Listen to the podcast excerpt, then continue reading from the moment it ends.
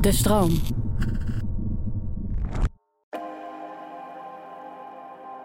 Alsof er kortsluiting in mijn hoofd ontstaat. En wat ik dan eigenlijk wil doen is gewoon blijven staan en bevriezen. En gewoon helemaal niks meer doen, niks meer zeggen, niet meer communiceren. Gewoon alles uit mijn handen laten vallen. Maar dat, dat is niet gewenst gedrag. Dus dan ga ik maskeren.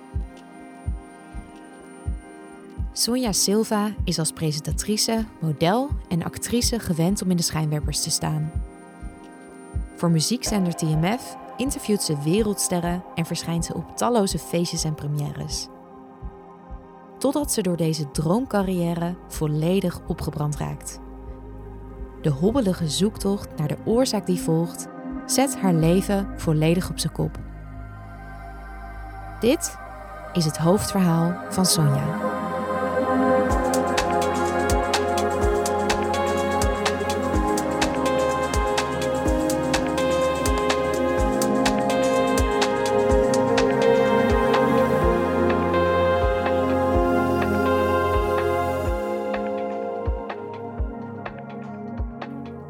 Zat in een partnervoorlichting over uh, autisme, omdat jouw man Pijke en jouw zoon Damien uh, net die diagnose hadden gekregen. En op dat moment besef je ineens: hé, hey, wacht eens even. Volgens mij heb ik zelf autisme. Ja, het was echt of ik geraakt werd door een soort bliksemschicht. ja, het was een heel bijzonder moment. Ik was naar een partnergroep gegaan, inderdaad, vanuit uh, Pijke, zijn psycholoog. En um, er waren ook twee mensen met een vrouw als partner. En iedere keer als er dus een onderwerp op tafel werd gegooid en mensen met elkaar in discussie gingen van, oh ja, de mijne ook, ja, de mijne ook. Dan was het iedere keer dat die vrouw dat dan ook had of net even iets anders. En op dat moment, het was alsof ik me opeens realiseerde van, oh nee, wacht even. Mensen met autisme zijn ook mensen en die kunnen ook gewoon anders zijn. En vrouwen dus blijkbaar nog veel meer anders dan veel mannen met autisme. En had je daar ooit wel eens over nagedacht? Helemaal niet. Nee. Niet dat ik dacht dat het, uh, zoals veel mensen denken, meer bij mannen voorkomt. Want daar ben ik nog steeds niet over uit of dat dat wel klopt. Maar ik had gewoon nooit die link gelegd. Nee. Tijdens dat hele proces wel een paar keer met Pijken uh, zo'n moment gehad van... Hm, oh, ja, dat doe ik eigenlijk ook. Of, oh, dat... wel heel bekend voor. Ja, maar het is geen autisme. Dat heb ik niet. En dat moment was echt dat ik dacht, ja, Sonja, stop nou gewoon met jezelf voor de gek houden en zorg dat Pijke die diagnose heeft en je kind. Mama beer, eerst iedereen om je heen, gewoon alles geregeld hebben en dan ga je gewoon rustig zelf ook kijken of dat het klopt wat je nu denkt. Ja, het was echt anderhalve afspraak. En toen zei de psycholoog van, nou, laten we hier gewoon geen tijd aan verspillen. Want ik wist het eigenlijk op dag één al. Ja, het was overduidelijk. Ja, autisme met een vleugje ADD. Hoe was dat voor jou om die diagnose uh, te krijgen? Ik ben daar weggegaan en het eerste wat ik heb gedaan is een gebakje halen. En toen ben ik het thuis gaan vieren. Dat ik de diagnose had. En dat was voor mij een enorme bevrijding. Ik weet dat er heel veel mensen zijn die de diagnose krijgen, die eerst een tijd van rouw doormaken. En dat begrijp ik ook. Alleen omdat ik het eigenlijk al jaren ergens wist. Alleen ik durfde er niet zo goed een naam aan te hangen. Omdat als je dan zegt dat je vermoeden hebt dat je autisme hebt, het eerste wat mensen dan zeggen: Oh, heb je diagnose? En dan moet je nee zeggen en dat vind ik dan weer lullig. Anders geloven ze je niet. Nee, nee dus ja. ik, had, ik had daar gewoon geen naam aan gehangen. Maar op dat moment dat het duidelijk was, is eigenlijk alles voor mij veranderd. Um, ik ging met terugwerkende kracht natuurlijk alle dingen die ik in mijn leven heb gedaan nog eens herbeleven. Ja, dat lijkt me wel een beetje zo'n mindfuck. Hoe dan? dat je ineens terug ja. gaat kijken en denkt: hoe heb ik dit allemaal kunnen doen? En ik kan het je ook letterlijk niet vertellen. Ik heb geen idee. Want je, je, was op je, je bent op je 22e uh, presentatrice geworden bij Nee, veel muziek. eerder, 19. Oh, 19 Ja, ja ik was echt nog een puppy. Ja, echt. Ja, Hartstikke ja. jong. Ja. Presentatrice bij een muziekzender TMF. Ja. En later op je 24e geloof ik... Um, presentatrice bij een reisprogramma. Ja. Dat zijn allemaal dingen waar je wel flexibel voor moet Mhm. zijn. En ja, heel sociaal moet doen de hele Mhm. tijd. Hoe Ja, weet je dat? Ik heb echt geen flauw idee. Echt niet. Ik, ik weet gewoon. Wat, wat ik altijd een hele fijne ehm, manier vind om dat uit te leggen is... voor mij, als ik het in twee moet delen... dan hebben ehm, mensen die neurotypisch zijn, over het algemeen... ehm, een auto van binnen. Dus je weet dat je gas moet geven. Je, je moet ook remmen, wenselijk, eh, koppelen. Dat schakelen is soms een beetje ingewikkeld. Maar als je een beetje je best doet, heb je het onder controle. Ik heb dat niet. Ik heb een soort van cockpit met alle knopjes die daarbij horen. En dat zijn er heel veel. En ik weet dat ik een soort van mechanisme voor mezelf heb ontwikkeld. In mijn onderbewustzijn, hè, want ik wist niet eens dat ik autisme had. Dat ik onderweg naar de studio drukte ik gewoon, als ik er was, drukte ik dat knopje in van oké, nu gaat Sonja presentatrice gaat aan. En dan ging die ook aan. En zodra ik dan thuis was en veilig had geparkeerd, dan ging dat knopje uit en dan ging die weer op Sonja thuis. En dan stortte ik helemaal in. Dan moest ik gewoon naar bed slapen als ik het te gek had gemaakt met bijvoorbeeld een TMF Awards weekend. Dan had ik koorts. En dan zeiden ze allemaal, oh, gaan we vanavond wat drinken, leuk en dit en dat. En ik dacht, hoe kan jij dat? Ben je niet moe? Dus je pleegde eigenlijk roofbouw Ja, door zo'n knopje aan, want te, aan te zetten. mee. Ja, dus het was echt eh, ja, een soort sociaal wenselijk gedrag wat je wel kon vertonen. En daardoor merkte de, de, de buitenwereld eigenlijk niks aan jou. ja. Maar het putte je volledig uit, waardoor je iedere keer echt eh, onge- ongelofelijke klap kreeg. Ja, ik ging iedere dag over mijn grenzen Mm. heen. En vooral het onbewust maskeren, want ik wilde niet opvallen. Je wil niet altijd degene zijn die zegt: Ik ben moe, ik ga naar huis. Want dan ben je saai. En dan Natuurlijk. mis je de connectie met Ja. mensen, weet je wel. Ik wilde gewoon net zo zijn als iedereen. Dus ik ging, ik deed.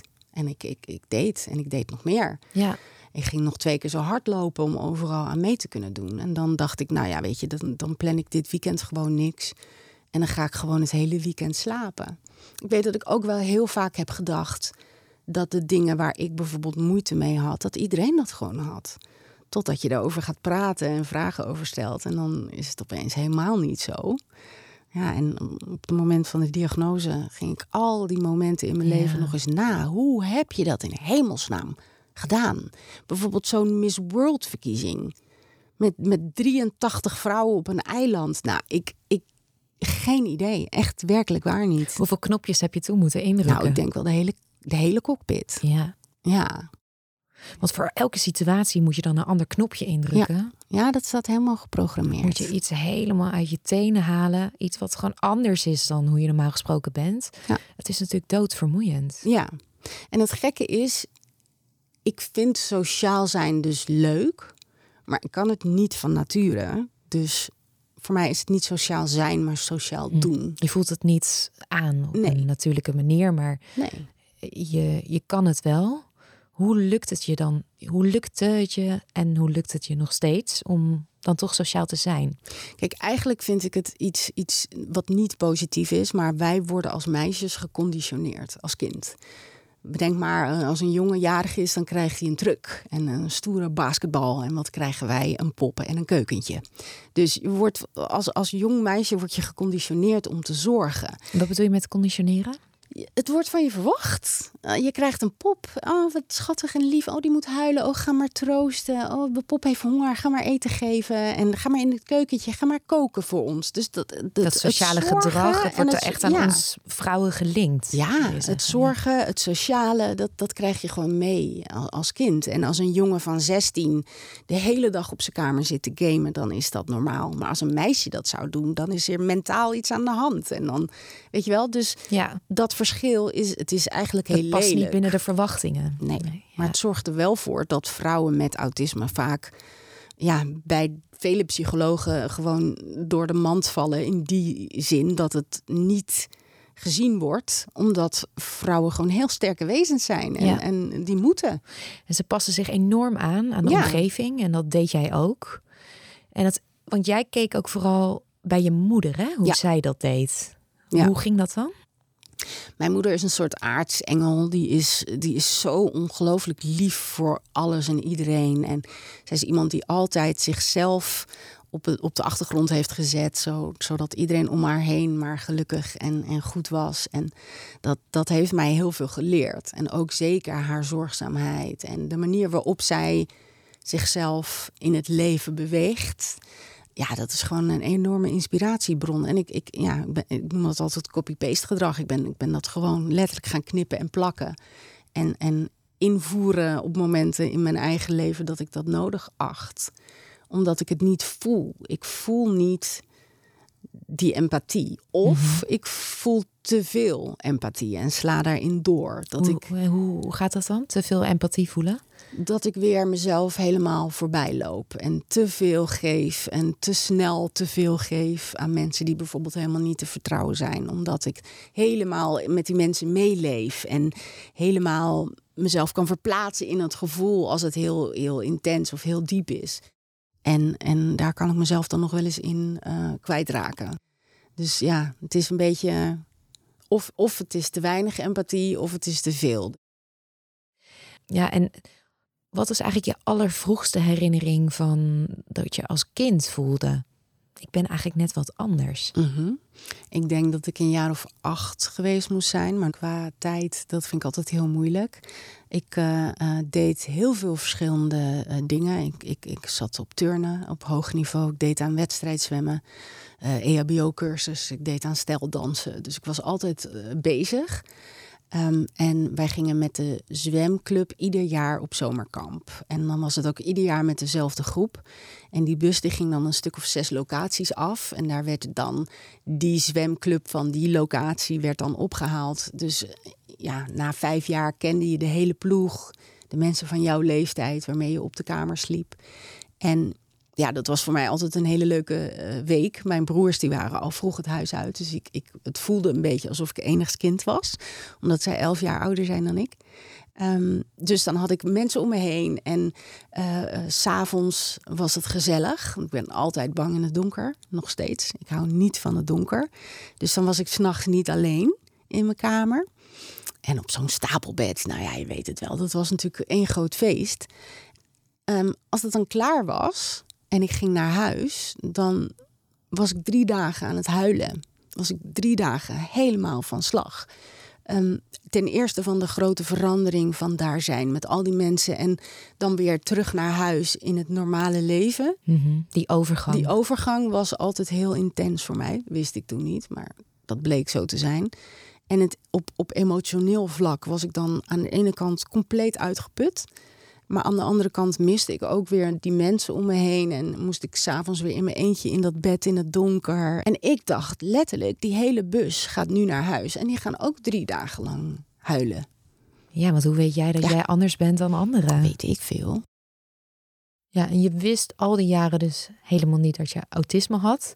Ehm, en je hebt dat dus op een onbewuste manier uh, gecamoufleerd, gemaskeerd. En dit lukte ook allemaal redelijk tot je dertigste. Uh, want toen lukte dat ineens allemaal niet meer. En was je volledig uitgeput. En kwam je drieënhalf jaar lang thuis te zitten. Uh, en kwam je eigenlijk helemaal de bank niet meer af. Hoe zag een gemiddelde dag eruit in die tijd? Ik was natuurlijk moeder. En Damien die was nog best wel uh, klein. Maar hij ging wel al naar school. Ik denk dat hij een jaar of vier was. En ik zorgde gewoon dat als hij er was wakker was en thuis was, dat ik ook wakker was. Dus dat betekent dat ik hem uh, s ochtends om half negen naar school bracht. En dan kwam ik thuis en dan ging ik slapen tot half drie. En dan haalde ik, ik hem uit school en dan bleef ik wakker tot hij naar bed ging. En dan ging ik ook naar bed. Hoe kwam dat dan, dat je zoveel slaap nodig had, dat je zo moe was? Ik had letterlijk nergens energie voor. Ik kon soms wel eens huilen omdat ik gewoon naar het toilet moest en dat niet kon opbrengen. Dat was zo bizar, omdat. Um, Tuurlijk ben je mentaal ook uitgeput vaak als je een burn-out hebt. Maar het speelde bij mij zich vooral af in mijn lijf. Alsof ik opeens het lijf van een, een hoogbejaarde vrouw had. En mijn hoofd wilde van alles, maar mijn, mijn lijf deed niet mee. Snapte je toen wat, wat er met je aan de hand was? ik had echt geen flauw idee. Tuurlijk eh, wordt er gesproken over burn-out en overspannen. Maar ik had toen ook wel een klein beetje een vooroordeel dat, dat burn-out dat dat echt alleen maar van die mensen zijn die op de beurs werken. En weet je wel, de hele dag hysterisch lopen te doen. Dus ik had gewoon lol in mijn leven. En ik, ik was dingen aan het doen die ik leuk vond. En op de een of andere manier kon ik het dan niet rijmen met dan een burn-out hebben. Maar toen het heel lang bleef aanhouden, had ik wel zoiets van: er is iets niet goed, er klopt iets niet. En toen ben ik wel echt heel veel uh, onderzoeken gaan doen. En hoe was het in die tijd um, om ja, moeder te zijn van een vierjarige? Hoe, hoe, ging, hoe gingen jullie met elkaar om in die tijd? Nou, wat ik nog heel, me heel goed kan herinneren is een moment dat ik um, aan, aan Damien had beloofd dat ik pannenkoeken ging bakken. En eigenlijk wist ik alweer van nou, dat gaat helemaal niet lukken, maar ik ga het gewoon toch doen, want ik, ik wil een goede moeder zijn.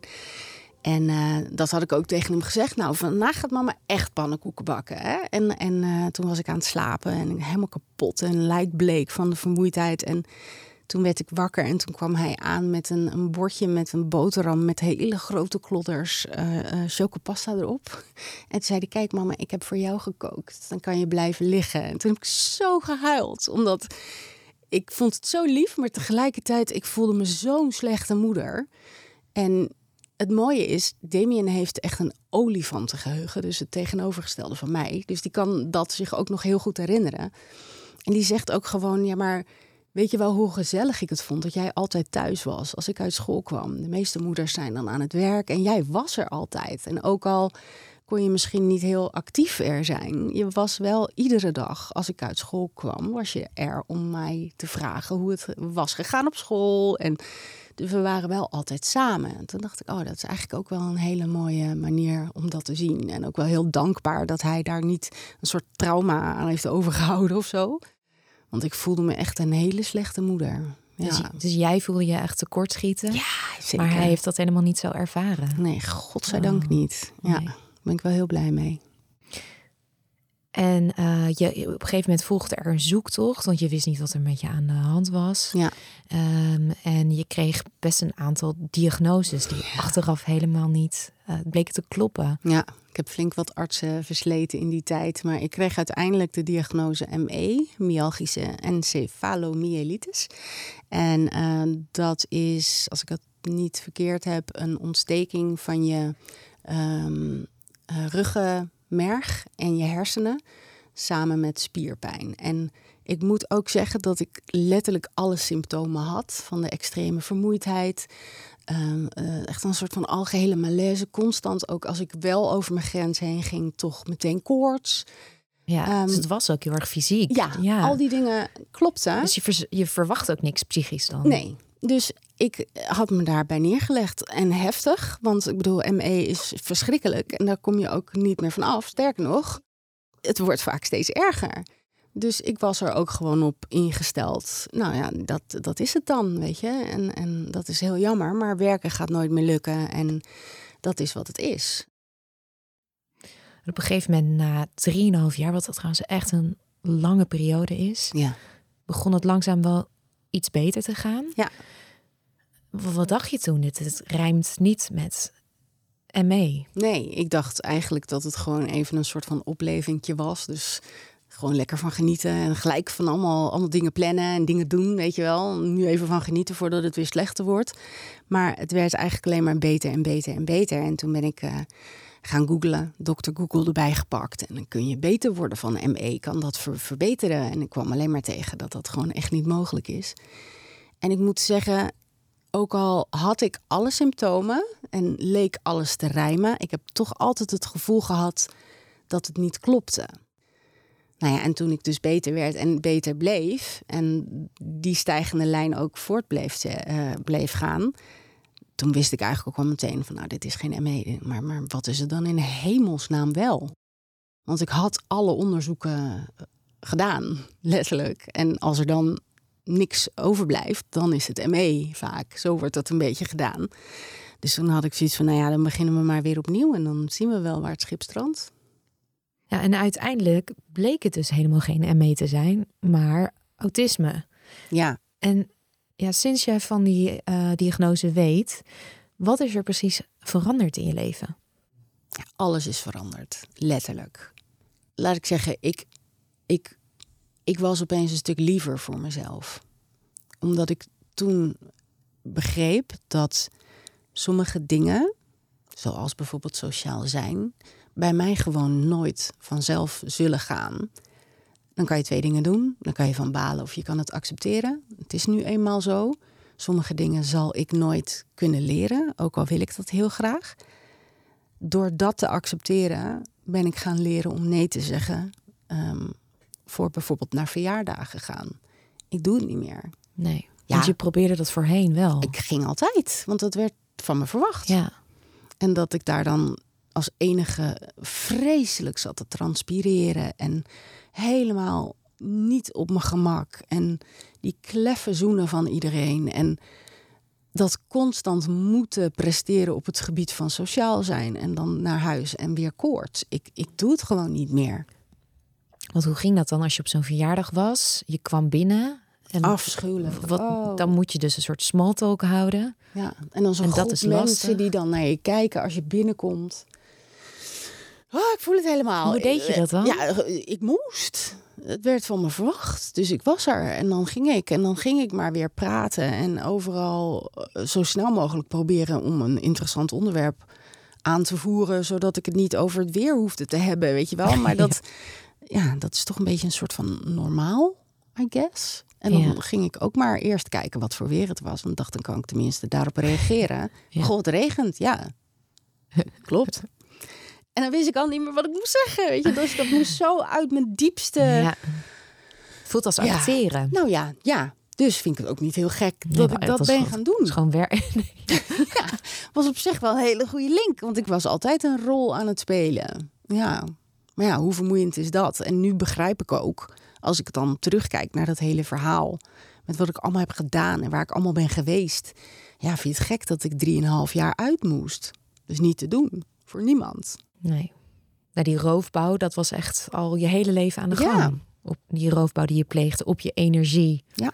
Waarvan je natuurlijk niet wist dat je dat deed. Nee, en ik vraag me nu dus echt heel vaak af. Was het beter geweest als ik het eerder had geweten? En ik, ik kan daar geen helder antwoord op geven. Omdat aan de ene kant denk ik, tuurlijk, um, ik had niet zo vaak uh, in het diepe gesprongen, denk ik. Uh, misschien wat meer nagedacht over dingen. Um, misschien um, meer begeleiding ook gevraagd mm -hmm. bij mhm. dingen die ik niet, niet, niet wist en niet begreep. Aan de andere kant weet ik ook dat door mijn enthousiasme en soms een beetje uh, impulsiviteit. ja, dat ik daardoor ook op plekken ben gekomen waar ik anders nooit gekomen was. En misschien, bedoel, het, het, het, moeite hebben met communiceren is een groot onderdeel van veel mensen met autisme en tegelijkertijd een enorm vooroordeel. Ik heb er mijn vak van gemaakt. Um, wellicht had ik dat niet gedaan als bij mij bekend was: je hebt autisme mensen met autisme hebben moeite met communiceren. En dan had ik dan gedacht, nou laat ik dat maar niet doen. Ja, want dan had je je laten leiden door het stigma wat erover heerst. En misschien is er ook een tussenweg van je doet dat soort dingen wel, maar met een kleine aanpassing, waardoor het bij jou wat minder energie had gekost, waardoor je niet in je autistische burn-out terecht was gekomen. Dus dat zou de ideale situatie zijn geweest dat ik het wist en dat ik toen al de tools had om wel die cockpit te gebruiken maar niet zo dat je een vliegtuig neerstort, zeg maar. Ja, en jezelf misschien wat meer had kunnen laten zien. Ja, ik ben zo hard voor mezelf geweest. Zo keihard. Ja, natuurlijk kan je dat. Als zij dat kan, kan jij het ook. Dus je gaat maar gewoon. Je gaat maar gewoon. Je doet maar gewoon. Heel streng. Ja, en nu, sinds ik de diagnose heb, ben ik veel liever voor mezelf. Ja. Want je weet nu dat het iets is wat gewoon niet lukt in plaats van iets luiheid of iets wat je niet wil. Ik kan het letterlijk niet. En ik steek dan liever de energie die ik heb in een weekend in eh, iets met gezin of wat dan ook. Dan dat ik naar een verjaardag ga waar ik echt letterlijk niemand een plezier mee doe. Want ik ben ook gewoon niet gezellig. Want je ziet aan mij hoe ongemakkelijk ik me voel. Ja. Ehm, dus het is voor iedereen beter. Ja, zonder van mijn tijd. Ik word ook helemaal nooit meer uitgenodigd. Mensen denken, ja, Sonja komt toch niet. En als ik dan zei dat ik kwam, ging ik op het laatste moment afzeggen. En dat is ook zo vervelend om te moeten doen. Dus ik hooguit mijn broer, mijn broers en, en mijn moeder. Maar daar houdt het ook echt op. Ik vier het ook nooit meer. Gewoon alleen gezin en moeders en, en ouders van Pijken, that's it. ja. ja. En je ging ook op uh, onderzoek uit. Dus je ging heel veel over uh, autisme proberen te weten te komen. Ja. Um, wat waren de dingen waarvan je ontdekte dat jij daarmee worstelt Mhm. en hebt geworsteld in je hele leven? Ik heb op een gegeven moment een, een, een lijst gemaakt van de dingen die mij autistisch maken. Daar ben ik toen een keertje mee begonnen in mijn telefoon. En dat begon met een lijstje van tien dingen. Nou, die lijst is zo groot. Mensen vragen altijd aan mij: ja, maar hoe weet je dan dat dat autisme is? En misschien is dat wel gewoon jouw karakter. Kun je dat weten? Nee, dat kan je niet weten. Er is niet een zwart-witte lijn tussen wat het een of wat het ander is. Tegelijkertijd hoor ik ook heel vaak mensen zeggen: ja, maar jij bent niet autisme. Maar ik ben het daar niet mee eens. Want het is zo verweven in mijn persoonlijkheid dat je het niet kan loskoppelen van elkaar. Maar ja, daar bleek dus een hele grote lijst uit, uit te komen van dingen. die ik dan dus wel af en toe echt als een beperking ervaar. Alhoewel ik echt een hekel aan het woord heb. Maar ik weet niet hoe ik het anders moet noemen. En het is ook gewoon een beperking.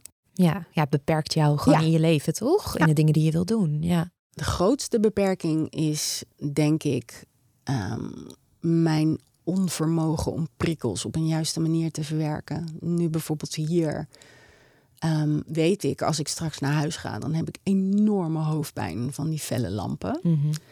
Ehm, maar ja, dat is nodig. Net als vroeger in de, in de studio. Ik kon niet zeggen, mag die lampen uit? Dat, dat kan niet. Dat hoort erbij. Ja, dus die schijnwerpers Ja. die eh, hebben ook een schaduwzijde, want daar moet jij wel van bijkomen. kon ik maar in de schaduwzijde. Dat had heel erg geholpen, maar dat was gewoon niet mogelijk. Je weet dat dat moet. Het, het sociale deel, weet je wel, er zijn hier toch weer mensen die je ontmoet en waar je even een praatje mee maakt. En ik vind ook altijd wel belangrijk dat ik niet overkom als een of andere zagrijn, want dat ben ik niet. Dus daar ben je dan ook weer mee bezig. En wat heel veel vrouwen, ik weet niet hoe dat zit bij mannen, want die praten meestal niet over dat soort dingen. Maar wat heel veel vrouwen met autisme heel vaak doen, is heel erg bezig zijn met hoe je overkomt en wat je zegt. En terwijl ik iets zeg, alweer analyseren wat ik net heb gezegd. En of dat ik niet heel erg naar je aan het staren ben, omdat ik heb geleerd dat ik je aan moet kijken. Ja, en dat wil ik helemaal niet. Dus je bent eigenlijk in de tweede persoon de Ja. hele tijd naar jezelf aan het kijken. Er gebeurt zoveel in mijn hoofd. En het grappige is dat ik me niet realiseerde weer dat heel veel andere mensen dat niet hebben. Ik, bij mij is het nooit stil in mijn hoofd. Want als ik niet met iemand anders bezig ben, ben ik constant in een soort van dialoog met mezelf. Mhm. En dat gaat niet uit. Waar gaan die dialogen dan over? Ja, dat, dat zijn gewoon gedachten. En die hebben dan ineens vijf vertakkingen. En die vertakkingen hebben ook weer tien vertakkingen. En voor je het weet, ben je weer uitgeput. Het is nooit stil in mijn hoofd. En dat is vaak heel gezellig, maar vaak ook niet. Dus daarom zet ik meestal als ik thuis kom en ik ga schilderen om al die prikkels te verwerken. Dan eh, zet ik een podcast op, want dan heb ik er wel controle over. Ja, dat, Dan is er één ding waar je naar kan luisteren en dat brengt je Ja. tot rust. Ja, En wat zijn voor jou nog meer manieren om tot rust te komen? Eigenlijk is het alleen het schilderen. Het is het eerste wat ik heb gevonden in mijn leven na 40 jaar, wat mijn hoofd stil krijgt. En dat zegt wel wat.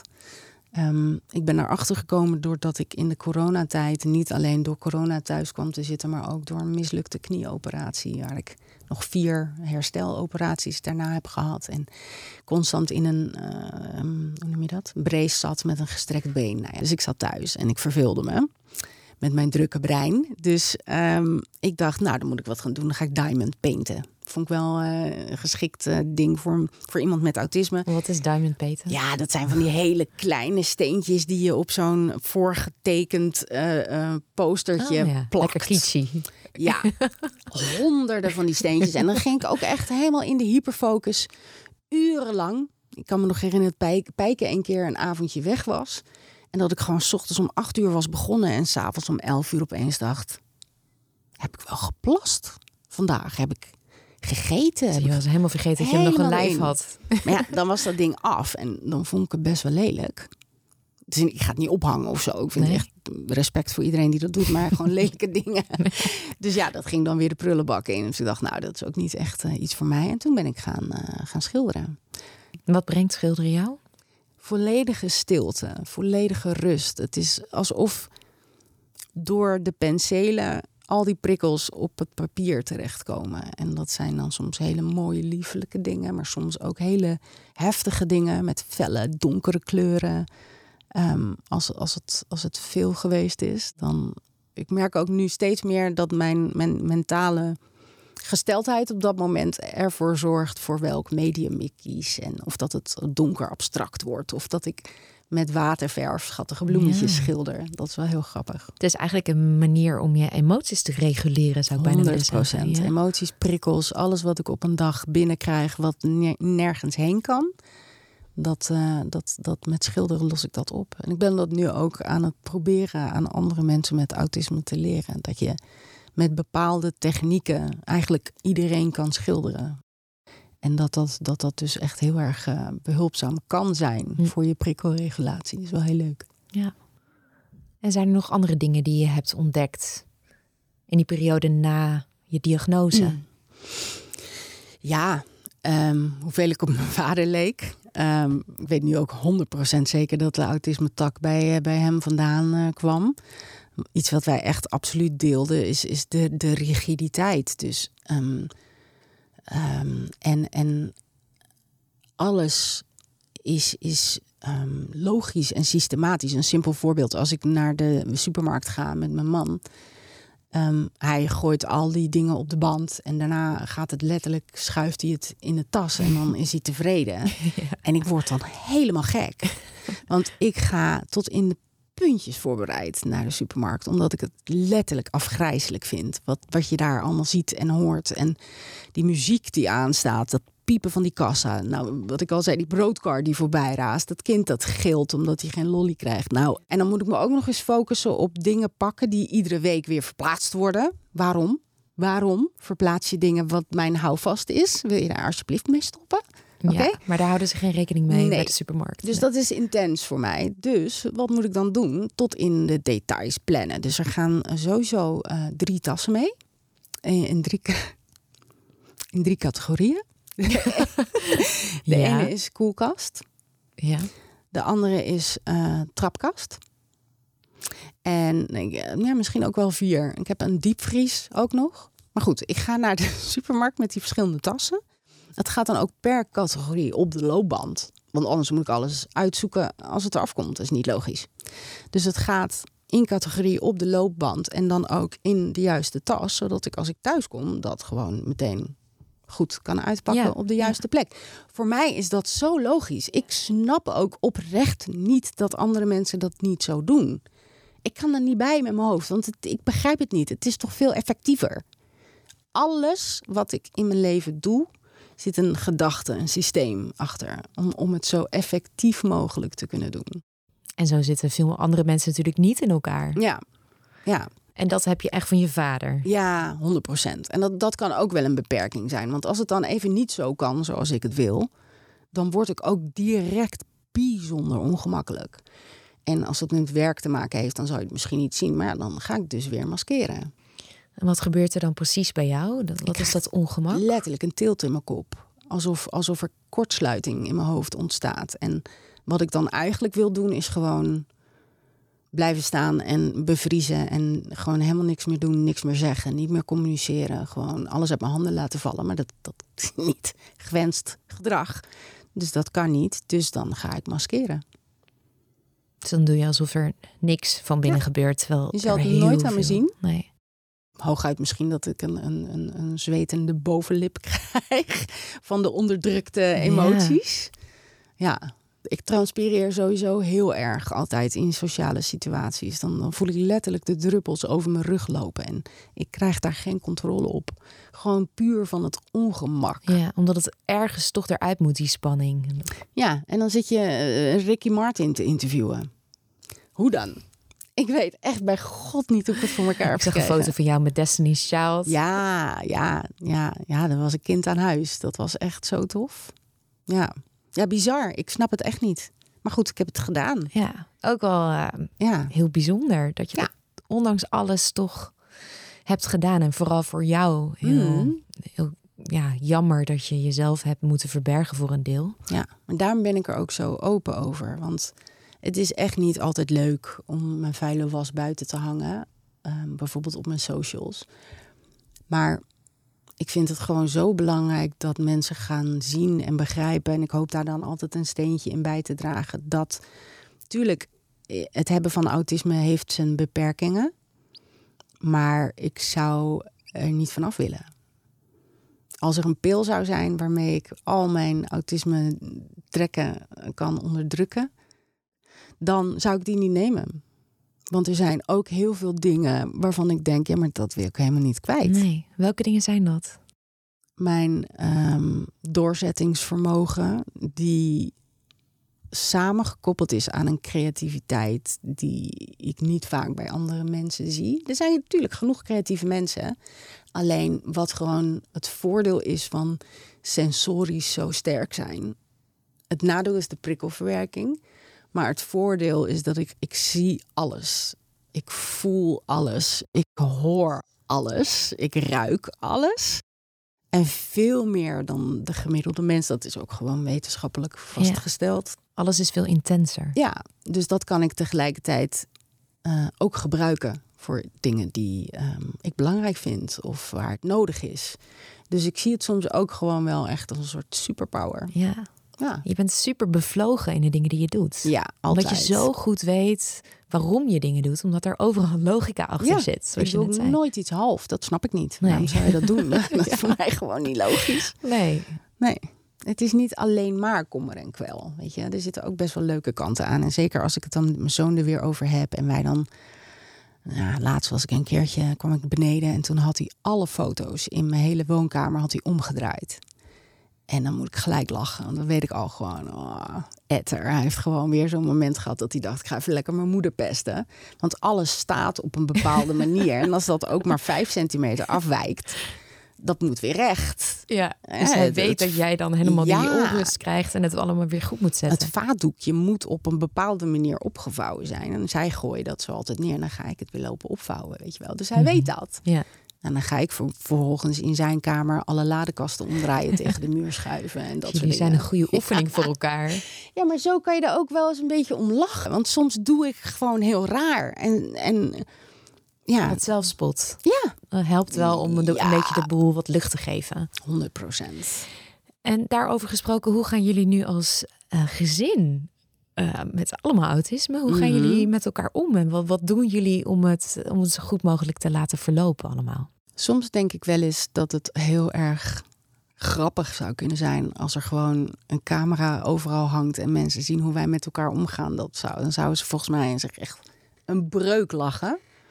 Ehm, het voordeel van allemaal autisme hebben is dat als ik bijvoorbeeld zeg, als Spijke en Damien heel druk met elkaar zijn. En ik zeg, jongens, ik ben overprikkeld. Dat zij dan gelijk snappen. Oké, wij kunnen wel druk zijn. Laten we dat dan even beneden doen, want dan heeft zij er geen last van. Ehm, ik hoef dat allemaal niet uit te leggen. Dat is gewoon heel fijn. Zij weten wie ik ben in de basis. En vaak hoef ik het al niet eens te zeggen. Zien ze het aan me? Ik hoef dus daardoor niet te maskeren. Ik hoef dan niet net te doen alsof ik het grappig vind. Als het letterlijk mijn zenuwen pijn doet in mijn oren. Ik kan gewoon mezelf zijn. En dat heb ik nog nooit gehad in geen enkele eh, relatie. En hoe is dat? ja, dat is, dat is fantastisch. Ehm, het grappige is dat het niet alleen mijn mooie zelf is. Maar ik kan ook mijn minder mooie zelf laten zien... wat gekoppeld is aan mijn autistische beperkingen. Ehm, die ruimte heb ik nooit gehad. En die veiligheid. Ja, en daarom was het ook nooit succesvol. Daarom lukte het ook nooit. En bij Pijker kan ik, kan ik dat wel en hij ook bij mij. Wil niet zeggen dat het altijd makkelijk is. Absoluut niet, want ik ben echt niet de makkelijkste om mee samen te leven. Juist omdat altijd alles op een bepaalde manier moet. En hij letterlijk het tegenovergestelde is. Ehm, dus dat is soms wel eens, eh, wel eens lastig. Maar wat we nu op dit moment, wat ons echt staande houdt. En heel veel mensen zullen daar weer wat van vinden, maar het interesseert mij geen reet. Is dat we allemaal een eigen verdieping hebben. Pijker zit beneden in de woonkamer met de keuken, s'avonds, als we allemaal moe zijn. Ik zit op de middelste verdieping op mijn studiootje. En Damien die is helemaal boven op zolder. En dat is zo fijn dat we dat kunnen doen. Jullie doen gewoon wat werkt Ja. als gezin en als, als stel. En het hoeft ook niet begrepen te worden. Nee. Vanaf het moment dat ik 40 eh, werd, is daar ook iets veranderd bij mij. Ik, ik had een soort van extra fulltime baan waarin iedereen mij altijd lief moest vinden en leuk. Ben ik helemaal niet altijd, dus dat is al heel gek. En nu interesseert het me niet meer wat mensen van me denken. Als ik zelf maar weet ehm, dat, dat wat ik doe zuiver is, en dat is het. Want ik hou niet van bullshit. Ik heb gewoon geen tolerantie voor bullshit. Nee, en je leeft op dit moment echt naar hoe je wilt leven. Ja. En dat doen jullie met het hele gezin. Mhm. Ehm, we hebben het Pijke, jouw man, gevraagd om eh, wat tegen jou te zeggen. Mhm. En eh, daar gaan we nu naar luisteren. Oké. Hey Mop, hier even een klein berichtje van, eh, van mij. Nou goed, we wisten natuurlijk al lang dat jij eh, hartstikke autistisch bent. dus ja, die bevestiging hadden we eigenlijk niet eens nodig. Maar goed, altijd, eh, altijd fijn eh, om het te weten natuurlijk. Nou ja, goed, wat ik gewoon heel erg tof vind... is dat, dat, dat je na jouw diagnose er echt een missie van gemaakt hebt... om andere mensen te helpen. dit zit natuurlijk al in jouw aard. Maar ja, ik vind het gewoon mooi dat je dat ook op dit vlak eh, doet. Dat je niet alleen maar de diagnose hebt gekregen en dacht van, eh, nou prima, nu weet ik het. En voor de rest eh, interesseert het me niet zoveel. En dat vind ik ook wel weer grappig, want het zegt ook wel weer iets over het vooroordeel dat alle autisten niet empathisch eh, zouden zijn. nou ja, goed, dat is in eh, jouw geval dan natuurlijk echt helemaal niet, eh, niet zo. Dat vind ik gewoon wel heel erg leuk. Ja. En, eh, dat doe je gewoon hartstikke goed, ben ik hartstikke trots op. Dus dat moet je ook zeker blijven doen. Ja, er is dus wel aardig wat eh, veranderd eh, sinds jouw diagnose. Maar eh, ja, voor mij ben je nog gewoon precies hetzelfde. wat lief. Nou, lieverd, ik ben trots op je en ik spreek je snel. Doei schat. Hoi hoi. Wat lief. Ah, ik heb helemaal kippenvel. Nou ja, het is precies wat hij zegt. Dus aan de ene kant is alles veranderd, maar eigenlijk ook weer helemaal niks. Want ja, je krijgt zo'n diagnose, maar je bent nog steeds dezelfde. Ik- ben als mens niet veranderd. Alleen de manier waarop ik mijn leven indeel is veranderd. Wel heel lief. Ik weet, ik- weet namelijk hoeveel moeite hem dit kost. Dit doet hij niet makkelijk uit zichzelf. Ik durf te wedden dat hij hier een paar keer contact over heeft gehad. Wat nou precies de bedoeling is. Hoe hij dat nou precies moet insteken. Ja, dat vindt hij moeilijk. Maar Dus dat raakt je extra. nou ja, kijk, ik weet dat bij hem het gen wat empathie veroorzaakt, dat zit er gewoon niet. Dat, heeft, hij- dat kan hij gewoon niet. Maar het mooie is, als het er echt toe doet, bijvoorbeeld toen mijn vader negen jaar geleden overleed, toen was hij er. En dat is voor mij, dat is voor mij rijkdom. Dat ik weet, oké, hij kan er echt niks aan doen. Dat hij gewoon niet weet wat hij moet doen als ik weer op maandag zit te huilen omdat het maandag is. Maakt dat uit? Ja, ik zou het soms wel leuk vinden als ik een hele empathische man had gehad, omdat ik er zelf ook moeite mee heb. Maar goed, dat is niet zo. Maar toen het er dus echt toe deed, dan was hij er. En wat hij nu in dit berichtje zegt, hij zegt het misschien nooit, maar ik weet dat het zo is. Ja. Ik weet dat hij trots op me is. En, en ik weet dat hij het bijzonder vindt wat ik doe. Dus het is wel heel leuk om te horen. ja. Wat zou je andere mensen willen meegeven die last hebben van autisme of denken dat ze misschien autistisch zijn? Om te beginnen zou ik sowieso vooral vrouwen, maar ook mannen willen aanraden als je het vermoeden hebt dat je autisme hebt, om het dan uit te laten zoeken. En vooral je niet weg te laten sturen met jij kijkt me aan, dus je hebt geen autisme. Ehm, als dat autisme in zoveel verschillende vormen bestaat. er zijn geen twee mensen gelijk. Dus zijn er ook geen twee vormen van autisme gelijk. En dat is heel gek, want als het bijvoorbeeld gaat om het syndroom van Down of het gaat om dementie, dan is het voor mensen allemaal logisch dat mensen andere vormen hebben. Maar gaat het over autisme, dan verwachten ze allemaal dat je Rainman bent. En dat is zo gek, want het is ook weer voor mij zo logisch. Maar Wat bedoel je daarmee? dat is een beetje het beeld wat de gemiddelde mens heeft in Nederland. Rain Man, was een, een fantastische film uit de jaren tachtig met ehm, eh, Dustin Hoffman. En eh, gebaseerd op een, op een man met autisme, maar vooral een savant. Dus iemand die hele bijzondere talent, of eigenlijk een bijzonder talent had. In het geval van Rain Man was dat rekenen. De bekende scène waarbij hij een doosje, volgens mij lucifers of tandenstokers laat vallen en in één oogopslag kon zien hoeveel het er waren. Ja, ja. Ja, dat is duidelijk savant syndroom. Ehm, dat is niet wat autisme is. Er is geloof ik 7% of zo van de mensen met autisme die hebben het savant syndroom. Um, dat is het beeld wat je hebt van mensen met autisme als je zelf geen mensen in je omgeving hebt. En Mhm. nogmaals, ik was daar zelf ook schuldig aan. Maar op de een of andere manier is dat toch lastig voor mensen om te begrijpen. Dus ja, weet je, eh, eh, tuurlijk, mensen zeggen dan vaak tegen me van ja, maar iedereen is wel een beetje autistisch. Dat is voor mij echt die. daar gaat echt letterlijk mijn bloed van koken, omdat het zo niet waar is. Waar het om gaat is, en dat vind ik heel belangrijk om, om naar buiten te brengen, mensen met autisme. Het zijn menselijke kenmerken, maar het verschil zit hem in de mate waarin het je beperkt. Dus een introvert mens kan net als ik het afgrijzelijk vinden om naar een verjaardag te moeten. Het precies hetzelfde voelen als je daar bent en hetzelfde ervaren. Maar dan vaak, als die persoon naar huis gaat, is het klaar. Ja. Voor mij- niet drie dagen bij te komen. Exact. Voor mij begint dan eigenlijk pas het grootste deel van de ellende. Want ik krijg migraine. Ehm, buiten de migraine, waarbij je dus echt gewoon afgrijzelijke hoofdpijn hebt, lukt het me dan niet om te stoppen met, ja, volgens mij heet dat palilali. Constant woorden in mijn hoofd herhalen, eh, zinnen in mijn hoofd herhalen. Daarnaast ben ik ook heel erg bezig met wat ik allemaal heb gezegd. Is dat, je bedoel je over die verjaardag? Mhm. Ja. Oh ja, van of je wel de juiste dingen hebt gezegd. Ja, of ik niet te veel gek heb gekeken naar mensen. eh, of, of dat ik wel heb overgebracht wat ik wilde zeggen. Dus het stopt niet bij het gevoel dat je hebt. Dat gaat nog veel langer door. Dus daarom zeg ik altijd: het zit hem in de mate waarin het je beperkt. En als jij daar geen last van hebt, dan moet je niet zeggen dat iedereen een beetje autistisch is. Want het is niet zo.